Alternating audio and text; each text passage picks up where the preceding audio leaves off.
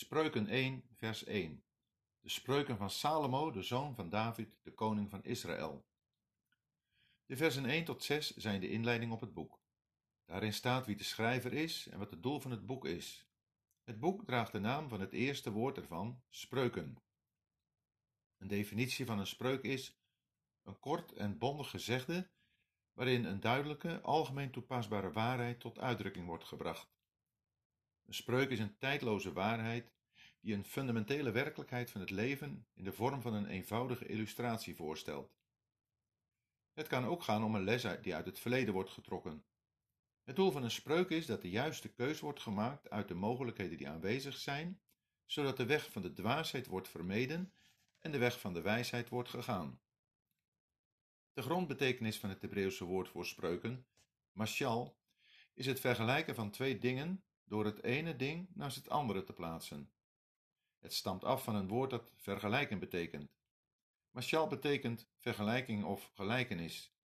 Het boek heet zo omdat daarin voortdurend dingen met elkaar worden vergeleken.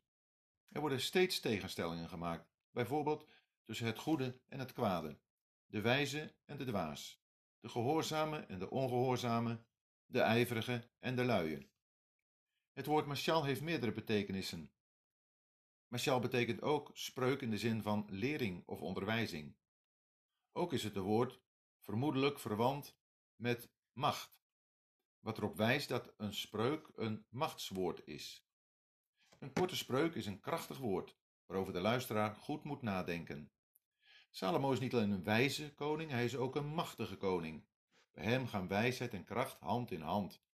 Het onderstreept wat eerder is opgemerkt, namelijk dat hij een type of schaduwbeeld van de Heer Jezus is, die genoemd wordt de kracht en de wijsheid van God. 1 Corinthians 1, vers 24. Het zijn de spreuken van Salomo. Hoewel de naam van Salomo aan dit boek wordt verbonden, staan er ook spreuken van anderen in, zoals spreuken 30 en 31. Het is te vergelijken met het boek Psalmen dat in zijn algemeenheid aan David wordt toegeschreven, hoewel er ook psalmen in staan die door anderen zijn gedicht. Salomo heeft 3000 spreuken uitgesproken, waarvan het boek Spreuken een selectie van ruim 800 spreuken bevat. Onder goddelijke leiding heeft hij uit de grote hoeveelheid van gedachten in geregelde orde een verzameling samengesteld die dient tot onderwijzing van Gods volk door de tijd heen tot het einde van de tijd. De naam Salomo betekent vrede. De spreuken hebben tot doel dat de gelovige in vrede zijn weg door het leven gaat, zoals ook de Heer Jezus zijn weg op aarde in vrede is gegaan.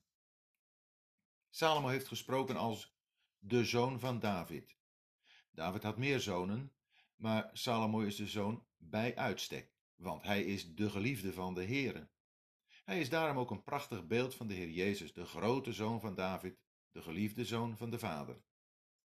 Heeft zijn spreuken ook uitgesproken als de koning van Israël. Als vorst van dat volk is hij ook hun onderwijzer. Ook als de koning van Israël is hij een type of afschaduwing van de Heer Jezus en wel als de vredevorst die in het duizendjarig vrederijk in recht en gerechtigheid over zijn volk zal regeren. Dit boek brengt ons in het duizendjarig vrederijk. Voor de wereld is de Heer Jezus nog steeds de verworpen zoon van David, maar binnenkort komt hij als de koning van Israël.